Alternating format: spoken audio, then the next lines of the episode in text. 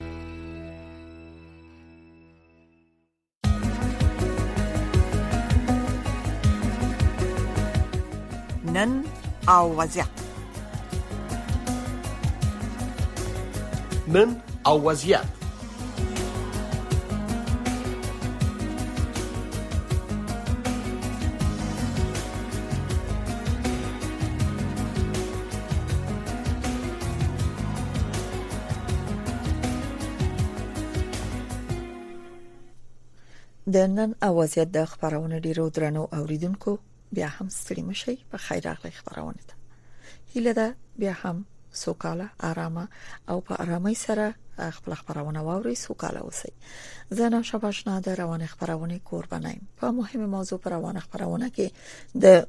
وبخي د ملمنه سره خلو راپور هم د بحث د موضوع په اړه درته لرو چې د کابل نظم همکار لیکل دي او د سیمې او نړۍ خبرونه هم درته لرو په خبرونه کې به د طالبانو د حکومت د کورنۍ چارو د وزارت د سرپرست سراج الدین حقانی په هغو څرګندونو باس د ملما سره وکړي ویلي موږ د نړۍ فرمایشونه نه دي منلي نو ځکه حکومت تر اوسه په رسمیت نه دی پیژندل شوی کوم فرمایشونه طالبانو د نړۍ نه دی منلي په دې بده مل مسره غږیږو نور پښتنې او دا پښتنه به هم ځواب کی د سیمه او نړۍ خبرونه په فایل کې لرو ورسته به رپورت ووري راځي خبرونه وورو السلام علیکم درنو اوریدونکو تاسو د امریکا غږ آشنا رادیو نه د دې ساعت خبرونه اورئ زه سید سلیمان آشنا یم د طالبانو حکومت د شانګهای د همکاریو د سازمان د غړو هیوادونو په غونډه کې د افغانستان وضعیت په اړه د ځینو هیوادونو اندېښنو ته په غبرګون کې ویلي چې د دغو هیوادونو اندېښنې د حقایقو په واقعي درک سره حل کېدلی شي د شانګهای د همکاریو د سازمان د غړو هیوادونو غونډه پرون د سې شنبې پر ورځ د هند په کوربتوب په انلاین بڼه جوړه شوې وه په دې غونډه کې د هند او پاکستان په ګډون ځنې هیوادونو د افغانستان د روان وضعیت، په ځانګړي ډول د نا امنیو د پراخیدو او امنیتي ګواښونو په اړه اندیښنې څرګندې کړې دي. د طالبانو د حکومت د کورنیو چارو وزارت سرپرست د پکتیا ولایت کې یوې غونډې ته په وینا کې د خپل حکومت په رسمیت نه پیژندلو علت د طالبانو لخوا د نړیوالې ټولنې د فرمایشاتو نه منل ذکر کړي دي. د کورنیو چارو سرپرست وزیر سراج الدین اقانی د سې شنبې په ورځ چې د چنګاخ دیارلسمه وه د پکتیا ولایت د ګردې څېړۍ ولسوالۍ کې د دیني عالمانو او قومي مخورو یوې غونډې ته په وینا کې ویلي افغانانو په خپلو مټو باندې ازادي ترلاسه کړې او د ازادۍ په ترلاسه کولو کې د هیچا د احسان پوروړي نه دي د طالبانو د حکومت د کورنیو چارو وزارت سرپرست دا ونه ویل چې د طالبانو څخه د رسمیت پیژندلو په بدل کې د نړیوالو غوښتنې څه دي په افغانستان کې د ملګرو ملتونو دفتر یا یوناما په واکمنو طالبانو غږ کړی دی چې د ښځو د سینګارتونونو د تړل کېدو په اړه فرمان لغوه کړي د دې خبر تفصیل د نوشابې اشنا په غږ کې اورئ د طالبانو امر بالمعروف وزارت 13 ورځ وویل چې د دغه ډلې د امیر المؤمنین د لارښوونې په اساس په افغانستان کې د خزو د سنگار سالونونه بندي یونامانن چهارشنبه د جولای په 15مه په یوې اعلامیه کې ویل موږ په واکمنو مقاماتو غږ کوو چې د سنگارتونونو د تړلو په اړه فرمان بند کړي د خزو په حقونو باندې دا نوې بندیز په اقتصاد باندې منفي اغیز کوي او د خزینه متشبثینو سره د اعلان شوی ملاتړ خلاف دی یوناما ویل دي چې خپل شریکانو سره چې په خزو باندې د بندیزونو لري کېدل غواړي په دې مسلې باندې په خبرو کې دخیل پاتې کیږي نو شاباشنا امریکا غاک واشنگټن د خوړو نړیوال پروګرام یا WFP ویلي دي چې د جنوبي کوریا د حکومت له خوا افغانستان سره د مرسته شوو څه باندې 2500 ټن وریجو لومړی جوپه په ختیځو ولایتونو کې د همدې ادارې ګودامونو ته رسیدلې ده د خوړو نړیوال پروګرام د سې شنبه په ورځ د خپل ټوئیټر په پاڼه ولیکل چې ټاکل شوې د جنوبي کوریا د وریجو د مرسته به ژر په ختیځو ولایتونو کې مرستو ته اړو کورنۍ باندې وویشل شي تېره اونۍ افغانستان لپاره د خوړو د نړیوال پروګرام د دفتر مشرې د رویټرز خبري اژانس ته ویلي چې د اکټوبر میاشتې وروسته د خپلو پروګرامونو د تمویل لپاره هیڅ پیسې نه لري او د افغانستان او بنگلاديش ترمنځ د کرکټ د دریو یوې ورځنۍ لوبو لړۍ نن د چهارشنبې پر ورځ چې د جولای 15مه ده او د سرطان 14مه د بنگلاديش د چیتاګانګ په ښار کې پیلېږي تاسو د امریکا غږ آشنا رادیو نه د افغانستان سیمې او نړۍ خبرونه اورئ د شمالي وزیرستان په میرامشاه کې نن په پاکستاني پوځیانو ځانمرګي حمله شوې ده د دې خبر تفصیل زما د همکار په غږ کې اورئ د چارواکو په وینا په دغه برید کې لږ تر لږه دوه سرتیري وژل شوي او څلور نور ټپیان دي د دې ترڅنګ لس ملکی کسان هم په دې پیښه کې ټپیان شوي دي د میرامشاه د پولیسو د تانې یو مسول او د پاوز یو جګپوړي چارواکي د نوم نه خودلو په شرط مشال رته ویلي چې د جولای په پنځمه د حمیدالله شهید پوستې سره نږدې د پوځي موټرو کاروان د تیریدو په حال کې و چې د منتظره موټر لمنځه ځانمرګي بریدګر خپل موټر وویست او د پوځي کاروان سره وجنګاوه د چارواکو په وینا د برید کوونکي موټر د چاودیدونکو موادو ډکو د چین جمهور رئیس شي جین پینګ د روسیې، ایران او د شانګهای همکارۍ سازمان د نورو غړو هیوادونو د مشرانو وغوښتل چې اړیکې پیاوړې کړي او د بندیزونو په وړاندې مقاومت وکړي.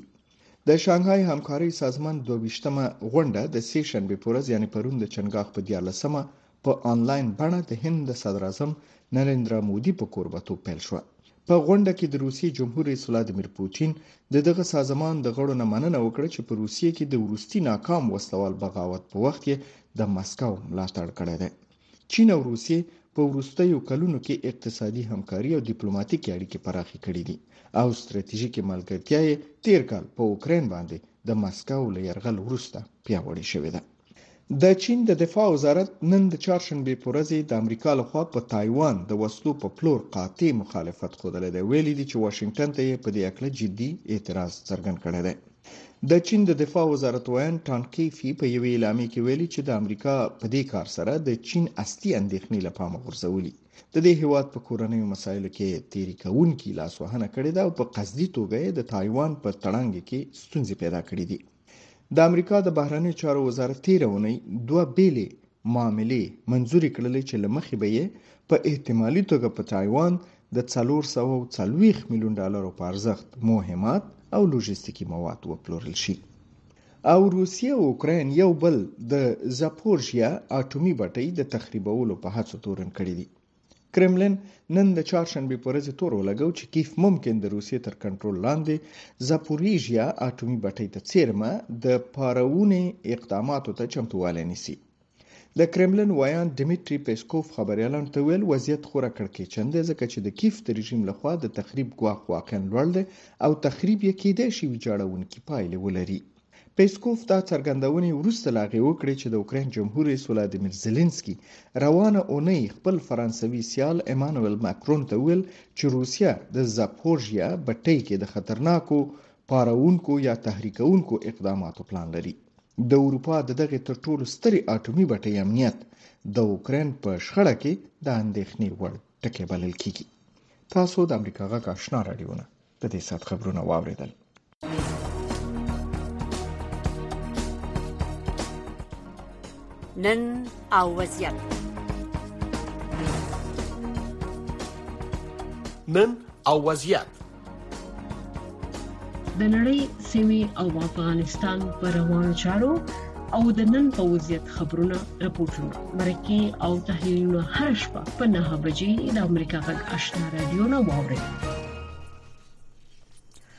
درنو اوریدونکو د سیمې او نړۍ خبرونه واوریدل مننه چې تر دې شیبې ملتیا وکړه اوس هم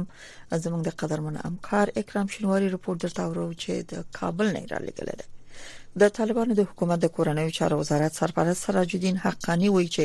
د طالبانو لخوا د نړیوال ټولنې د غوښتنو نه منل د دې لامل شوی چې د طالبانو حکومت په رسمیت ونه پیژندل شي د سیاسي او امنیتي چارو ځنې کارپوهان به وایي چې د افغانستان اکثره اوسیدونکو هم د طالبانو له حکومت نه د نړیوال ټولنې د غوښتنو په څیر ځنې غوښتنې لري دا چې غوښتنې څه دي راځي رپورت په ګډه وورو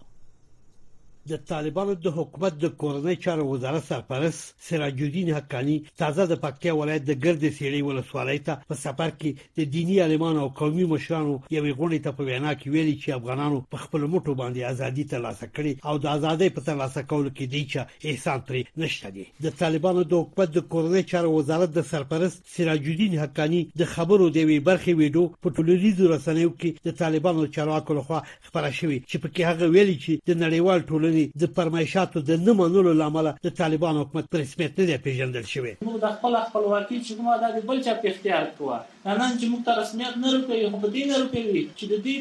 فرمایشات هم نه دي منلي، د دوی غوښتنې هم نه دي منلي، تر اخیره سلګۍ پورې مې یوه خبره ورسره ونه منله، قوم که مونه څومره په عذوب شو، زه په دې پېدم، تاسو په دې پېدی، چې هر څومره ئې توسې تر دغه څېړی او ونو لوندی ئې تر پرخه لوند او وویشتل ئې شهیدون ئې کړی، موږ په دې پېده یو. د طالبانو د حکومت د کورنۍ چارو وزارت سرپرست دا ونه ویل چې د طالبانو څخه د رسمیت پېژندو په بدل کې د نړیوالې ټولنې غوښتنې څه دي، خو نړیوالې ټولنې په پرله پسې ډول ویلي چې تر هغې چې د طالبانو حکومت په افغانستان کې د بشري حقونو په ځانګړي ډول د ښځو، انجونو، مذهبي او قومي اقلیتونو حقونو ته درناوی ونه کړي او د تروریستي ډلو سره ئې اړیکې نوي پرېکړي دا حکومت په په رسمیت ونه پېژني. د امنیتي چارو یو کارپوه اسدالله ندیم امریکا غږ ته وویل چې نړیوالې ټولنې ځینې غوښتنې هغه غوښتنې دي چې افغانان یې هم د طالبانو له حکومت څخه لري.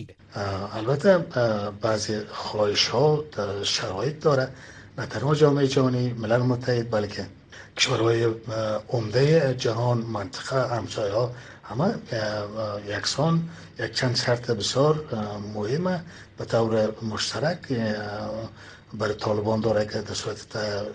قبول شدن شرایط میتونه که اینا حساب کنند سر جامعه جهانی کشورها که بر سبت جهان شوند که او مثلا اعطای حق تحصیل حق تعلیم برای دختران است کار بر زنها است یا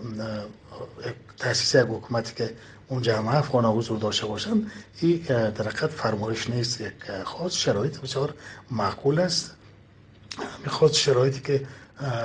جامعه جانی مطرح میکنن خواست و شرایط مردم افغانستان هم است د ملګرو ملتونو مرستندوی دفتر د سیاسي څانګې مرستیال په دې وروستیو ورځو کې په یوه مرکه کې ویلي چې که چیرې طالبان حکومت پر ښځو او نجونو باندې لګېدلي محدودیتونو ته دوام ورکړي نړیواله ټولنې سره به د دغه حکومت اړیکې هېڅکله ښې نه شي د امریکا د بهرنۍ چارو وزارت ویاند ویدان پیټل د جون په یوویشتمه په واشنګټن کې یو خبري کانفرنس ته وویل چې د افغان میرمنو او انجونو سره د طالبانو چلند او د هغوی حقونو ته نه درناوی په نړیواله کچه د طالبانو د حکومت د منلو او مشروعیت په لاره کې یو خنډ دی طالبانو د دوه زره یوویشتم کال د اګست په میاشت کې په افغانستان کې واک ته د بیا رسېدو وروسته په پرلپسې ډول پر ښځو او انجونو باندې محدودیتونه لګولي نږدې دوه کاله کېږي چې په دغه هېواد کې د شپږم ټولګي کلاسیک څخه پورته ښوونځیو کې د نجونو پر زده کړو بندیز لګېدلی او له تېر دوه زره دوه ویشت کال د ډسامبر د میاشتې وروسته په پوهنتونونو کې هم نجونې او ښځې د زده کړو محرومې شوې دي. د دې سربېره طالبانو حکومت د ملګرو ملتونو او غیر دولتي ادارو په ګډون په دولتي ادارو کې د ښځو په کار بندیز لګولی.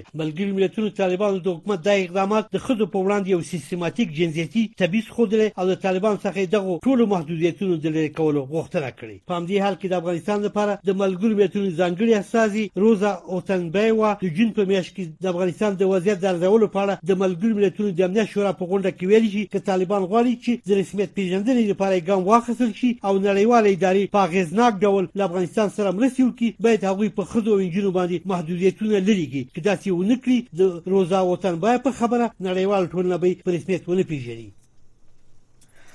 ترنو اوریدونکو رپورټم واورید په همدې اړه درته البته د ملما سره تبصره لرو قدرمن اوریدونکو په لاندې شیبو کې به زمون قدر ملما هم په لاین کې متاسفانه یا له بده مرغه تر اوسه پورې خبرونه کې حضور نه لري نو هیله ده چې په لاندو کې موږ سره خبرونه حاضر شي وخت ډیر کم دی چې د ملما تبصره په موضوع واخلو نو درنو اوریدونکو سیاسي شنن کې جیلانی زواک صاحب به موږ سره ملمنۍ ملمۍ وبخي په خبرونه کې او دا چې د طالبانو د حکومت د کورنۍ چارو وزیر ویل دي سرپرست وزیر ویل دي سراج الدین حقانی یې ویل دي چې موږ د نړۍ فرمایشونه نه دي منلي نو ځکه حکومت پر رسمیت نه دی پیژندل شوی کوم فرمایشونه دي د نړۍ دا هم د جیلانی ځواک سپ نه وپختو بل دا چې آیا کوم فرمایشونه چې نړۍ ورکړي هغه سره څومره د افغان ولس همغه کړي آیا دا غوښتنې د افغان ولس هم دي کنه دي به ور سره د افغان ولس غوښتنې څومره طالبانو ته د قبول وړ دي نو دا او نور ورته پښتنه براته سیاسي مبصر جیلانی زواک صاحب جواب کې لنی کمرغه په لاین کې د زواک صاحب زواک صاحب ستړي مشه خبرونه ده خیر اوسې مننه کورم ودان زواک صاحب تاسو په جریان کې استئ د طالبانو د حکومت د کورنیو چارو وزارت سرپرست سراج الدین حقانی ویل دي چې د نړۍ فرمایشونه هم نه دي منلي ځکه زموږ حکومت په رسمیت نه پیژندل کیږي تر کوم ځای چې تاسو جریان کې استئ د نړۍ غوښتنې د طالبانو نه څه دي ها اول خو زه باید ویم چې د نړۍ غوښتنه نه د افغانستان د خلکو غوښتنې دي هغه څه چې د دې په رسم پیژندلو کې خن واقع کیږي هغه د نړۍ غوښتنې نه بلکې د افغانستان د خلکو غوښتنې دي خزو ته که د کار او د تعلیم حق دی غوښتنې دي دا د افغانستان د خلکو غوښتنه ده سیاسي پلورالېزم نورو احزاب او ته د فعالیت اجازه او واکې د ګډون اجازه هغه څه چې ټول شمول حکومت ویل کېږي دا د افغانستان د خلکو غوښتنې دي نو دوی که د افغانستان د خلکو غوښتنې ومني دنیا به مجبور شي چې دوی په رسمیت وپیژني bale یعنی د افغانستان خلک د غوښتنې د نړۍ د طریقه دوی خپل غاک نړۍ ته رسید د نړۍ د نړۍ د طریقه په طالبانو باندې د یو فشار په توګه یادونه کیږي چې باید د ولس غوښتنه ته دوی غاړه کیدي سي بالکل بالکل خبره دا ده چې په دغه نړۍ کې ته نشي کولای چې په داسې شکل ژوند وکړي چې د ټول قوانینو ته اصول ته تر شا کې او هغه څه چې ستاسو غواړي هغه څه حاکمیت ولري د ملیون هاو انسانانو هغه ټول اساسي حقوق د پخو لاندې کې او دا غوښتل بیا نړۍ ته وی چې ما پر رسمیت وپیژنم نو اساسي مشکل دا دی چې د افغانستان د خلکو حقوق په رسمیت نه پیژني کله دغه حقوق په رسمیت و پیژني نو نړۍ به مجبور شي چې دوی په رسمیت و پیژني بل خبره چې زه غواړم کوم آیا نړۍ کوم داسې غوښتنه کړې ده تاسو له چې هغه د افغانستان د ازادۍ استقلال او د افغانستان د ملي ګټو سره په خلاف کې واقع ده که تاسو غوښتنه شوي نو خو مهرباني وکړئ وی وی د افغانستان خلکو ته چې نړۍ موږ نه دغه غوښتنه لري او دغه د افغانستان د استقلال او د عزت خلاف خبره ده نو ځکه موږ سره نه منو دا هیڅ شي نشته دی بله مهرباني بله په داسې حال کې چې ډېرې اوازې دغسې دي، اوس څو ورځې مخکې بایډن چې کومې خبرې وکړلې، د هغه نه مخکې سیګار یو ګزارش نشر کړی و چې د دوحې توافقات البته کابل نیوز تلویزیون لومړي ځل دغه ګزارش نشر کړل چې په دوحه کې پټ توافقات هم شته او شفاهي توافقات هم شته یعنی ډیر څه تاسو داسې منلي دي چې جرأت نه لري د افغانستان خلکو ته وي نو هغه شرایط چې باید ونه منل شي هغه خو تاسو منلي دي او جرأت نه لري چې د افغانستان خلکو ته وي وي نو کپل چې خو وی وي د افغانستان خلکو ته هغه څه چې تاسو نه منئ هغه د افغانستان د خلکو حق دی بله مننه ځواک صاحب یو لنډه پښتنه بلم لرم دغه د فرمایش کلمه د سي کله کله د غورزنی ژوند کې چې څوک غواړي یو اضافي یا فوق العاده کوم غوښتنه ولري بیا نو وایي چې دغه د یو فرمایش ده کنه او که معقوله پر ځای او د عادي ژوند د یو حق په توګه یو څوک عادي یو څه تر لاسه کوي هغه ته فرمایش سره روزانه دغه ژوند دغه اصلاحات زمونږ امده سکاریږي چې هغه ته فرمایش نه ویل د نشو ویل دغه کلمه چې کاریدل د فرمایش او د نړۍ غوښتنه هم تاسو ویل چې نړۍ نړۍ نه بلکې ولس غواړي د جنونو مکتبونه دي بشري حقوقو رعایت دی د کار کولو حق دی د حکومتداري ځینې مسایل دي خلکو ته د خدماتو رسول یا دا ټول مسایل چې دي ایا دا فرمایش ده کله د خلکو حق دی چې غوښتل کیږي عادي د انسان حق تاسو خبره تاسو خبره بالکل درسته ده دا د خلکو حق دی فرمایش نه دی کوم اضافي غوښتنه نه دا داسې خبره نه ده چې د چا حق نه دی او ته ورنه یو اضافي غوښتنه کې زه فکر نه کوم دا څه خبره نشته ده کدا څه خبرې خو ودی وي دا څه کوم غوښتنه چی نو دا خو لا به دا چې د غوښتنې شته او تاسو د افغانستان خلکو ته نه وی وي نو باید ویل شي لیکن هغه څه چې مهم دي هغه د افغانستان د خلکو حق دی ټول مسایل چې دیږي هغه د خزو تعلیم مسله کړه کړه کار مسله ده کړه نور افغانان تواکې د ګډون او د غي د اساسي ازادۍ او د حقوقو خبره ده نو د افغانستان د خلکو د حق خبره ده دا به په ومني bale bale دا نه مني نو د نشي کولای په دغه دنیا کې یوازې ژوند کې دا باید په دې یعنی دا نتایج افغانستان تم ډیر ځان مندي او د دې حکومت تم ځان مندي زه یو ځل بیا یادوم هغه څه چې د دنیا داسې غوښتنې دي چې په اصطلاح ته د غسنګ تاسو د فرمایش او د حق ترمن فرق هغه خو تاسو منلې دي اس دنیا ته مثلا امریکا د استخباراتي همکارو خبره کوي د بایدن په کالو د سیګار د راپور لمخې ښکاري چې امریکا سره تاسو استخباراتي همکاري لري نو دغه کله چې اول ظاهري ایمان ظواهري پټ وو او هغه راغی کابل ته او بیا هلته ووژل شو خلک حق لري دا شک وکړي چې د یو استخباراتي همکارۍ په نتیجه کې دغه کار منځته شوی دی رامنځته شوی دی دغه څنور خبرې دي د پاکستان سره تاسو د پاکستان د کورنۍ چارو وزیر دا خبره کوي چې طالبانو موږ سره دا منل دي چې ټي ټي پی خلک به د ډیورل لاین نه لري نور سیمو ته انتقالوي نو تاسو دغه رقم غوښتنې چې حق نه دي فرمایشونه دي او حتی د افغانستان د ازادۍ او استقلال سره په منافي کې دي هغه خبره خو تاسو منلې دي هغه خبره خو تاسو منئ کاش کې هغه خبره ونه منئ او هغه خبرې نو مهرباني وکړئ لطف وکړئ د افغانستان خلکو ته ووایي چې موږ نه ایندا ناروا غوښتنه کیږي او موږ یې نه منو نو په هغه کې د دنیا په څیر نه پیژني ولس هم د سره ودرېږي کنه نو د ولس ملاتړ هم ترلاسه کوي نو اساسي خبره هم دا ده چې دوی ولس ته اهمیت نه ورکوي دوی د ولس غوښتنې د ملت غوښتنې د افغانستان د خلکو غوښتنې نه مني او همدغه اساسي خنډ بله طالبان د مشروعیت مسله یادې او د مرستو غوښتنه بار بار کوي همدارنګه د نړۍ نه د مشروعیت غوښتنه هم کوي په بار بار خو خبره ده د اوس د افغانستان کې د یوناما مرستيال پوتزل دا خبره کړې ده چې ترڅو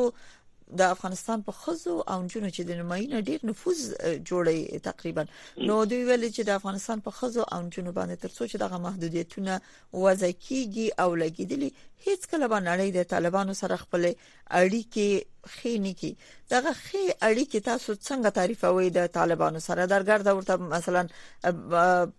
کومکونه کیږي بشري کومکونه کیږي راشه درشه ځنه هیوادونه سفارتونه هم الته لري استاذي زی ورزي کله خبرو د پاره یې کله سیاسي مسایلو یا اقتصادي کومکونه هر مسله چی آیا د نړۍ او د طالبانو ترمنځ تعامل یوازې په یو اعلان پورې محدود دی چې اعلان وکړي چې فلاني هیواد موږ په رسمیت پیژنده او کنه نور ډیر مسایل دي چې لا پاتې دي او نړۍ د طالبانو سره تعامل ته پینې دي رسیدلی او یې په روان وضعیت کې نه غواړي ورسره ورسیږي ډېر خبرې دي چې وضاحت لا نشته دی طالبان سره مثلا د هر هفته چې اسو کومک کیږي کارا سلويخ میلیونه ډالر ویل کیږي او داسې اوازې ګونګوسې ما اوریدلې دي چې دا څو چنده زیات دي چې مختلفو چینلونو ته ورکول کیږي متاسفانه نړیوال هم طالبانو سره تعامل کې د افغانستان د خلکو د حقوقو او د بشري حقوقو نه د دفاع او هغه ته د ارزښت په خپل سیاسي مفادات په سکه نو طالبان سره دغه رابطه شته نه دغه اړیکې شته د مختلفو وادونو دی تاسو مونږ قطر قطر څوک دی قطر امریکا ټول مستر رال درم د دې مشران تک راتګونه لري ډېر نه تعریف شوی او دا ویل شوی اړیکې او روابط شته دي لیکن متاسفانه هغه څه چې نشته دي دا زیان زیات د افغانستان خلکو ته متوجه دي ځکه چې طالبانو حکومت پر رسمیت نه دی پیژندل شوی دا غو مستقیم زیان د افغانستان خلکو ته دي نو ښه خبره ده چې طالبانو باندې کې فشار واردېږي چې په دې باندې بندیزونه لګول کیږي دا په داسې شکل وی چې دا غزيان د افغانستان خلکو ته ونه رسیږي زوړ څه په اخر تاسو د څومره مناسبه څومره نه ده طالبانو سره اوس د اړیکو نویت چې سره کم دی د نړۍ د مقتدر هیوادونو د امریکا په شمول باندې نو دا غي ګټه په طالبانو ته رسیدي او طالبان دا غي نه برخمن دي ګټه یې بله د دنجونو مکتبونو بندول چې د تاسو بار بار ورته اشاره وکړه ما په خپل پښتنه کې ذکر وکړ نړیواله ټولنه غټه غوښتنه مونږ ده چې په خزو او جنونو د محدودیتونه چې کوم لګول شي دی هغه د لری شي او د رسمیت پیژندل او د طالبانو سره د تعامل په لار کې یو غټ خند امدا غنل شوی دی د دې ګټه طالبانو ته څه ده څه سیاسي ګټه ورنه پورته کوي نه طالبان خو د دې نه اړیکې چې ما یاد کړلې هغه د استخباراتي اړیکې دي چې تاسو د خبرو په ارتباط وبخښئ زه د خبرو په ارتباط نه زما د پښتنه ده چې دغه حالت نه چې نړۍ ټوله یو خله ده چې همدغه د ولس غوښتنه ده طالبان د دغه محدودیتونو نه څه ګټه پورته کوي بالکل دا ډیر مهم سوال دی چې ولې طالبان دغه ځکه د یو مسلمان په توګه خو موږ هر یو پوهیږو چې دغه احکامات د شریعت مخالف دي د خصوصو تعلیم د خصوصو د کار بندیز د هر څه د اسلام د دین مخالف دي ټول اسلامي هیوادونو ستر ستر علماو دا خبره کړې ده چې څه چې طالبان کوي دا د شریعت سره سم نه دي دینه دین احکامات داسې نه دي نو کله چې دا د دین احکامات نه دي کله چې ټوله دنیا هم دې پلمه ته په رسمیت نه پیژني طالب ولې دغه فکر کې دا یو ډیر مهم سوال دی یو یو شک کیږي هغه دغه دی چې طالبان باندې د پاکستان ځینې سیاسي مذهبي ډلې ډیر زیات نفوذ لري هغه استادان دي طالبان استادان دي په مدرسو کې طالبانو درس ویلې نه نو د هغه د لارې نه طالبان مجبور کیږي داسې سیاستونه ونه کی چې طالبان منځوي پاتې شي نړۍ په رسمیت ونه پیژني او نتیجه دا شي چې د طالبانو ټول اتکا بیا په پاکستان باندې شي نو د خطر چې دغه حکومت پاکستان په کنټرول کې وساتل شي د پاکستان ځینې مذهبي ډلې چې ډېر نفوذ لري طالب مشران باندې دای په تشویق باندې دا کار کیږي په دې نامه چې واکه افغانستان چې شریعت او اسلام تطبیقي نو دا نه دا خبره نه د شریعت سره سم ده سره سم ده او نه د د دې د حکومت منافع سره سم ده چې په داسې وخت کې تاسو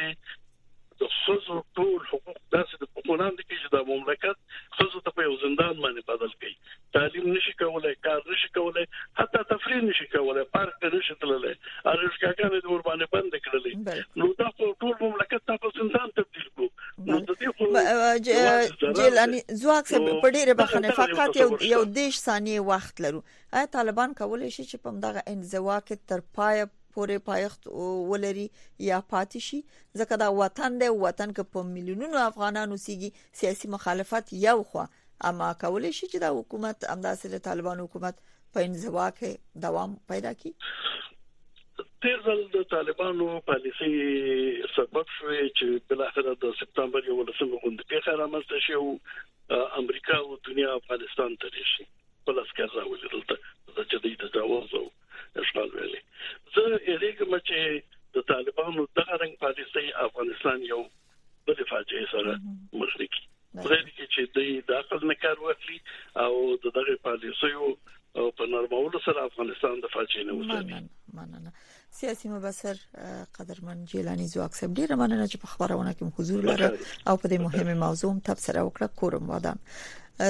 قدرمنو اوریدونکو د نن وضعیت خبرونه هم په همدې ځای پای ته رسیدي د ملتیا ډیره مننه کور مدان چې د امریکا غږ آشنا رادیو ټول خبرونه اوري او ملګرتیا هم کوي درنو اوریدونکو په لاندې شیبو کې د ساسو غږ کې صداي شما خبرونه هم پیلېږي قدرمن همکاران به په لاندې شیبو کې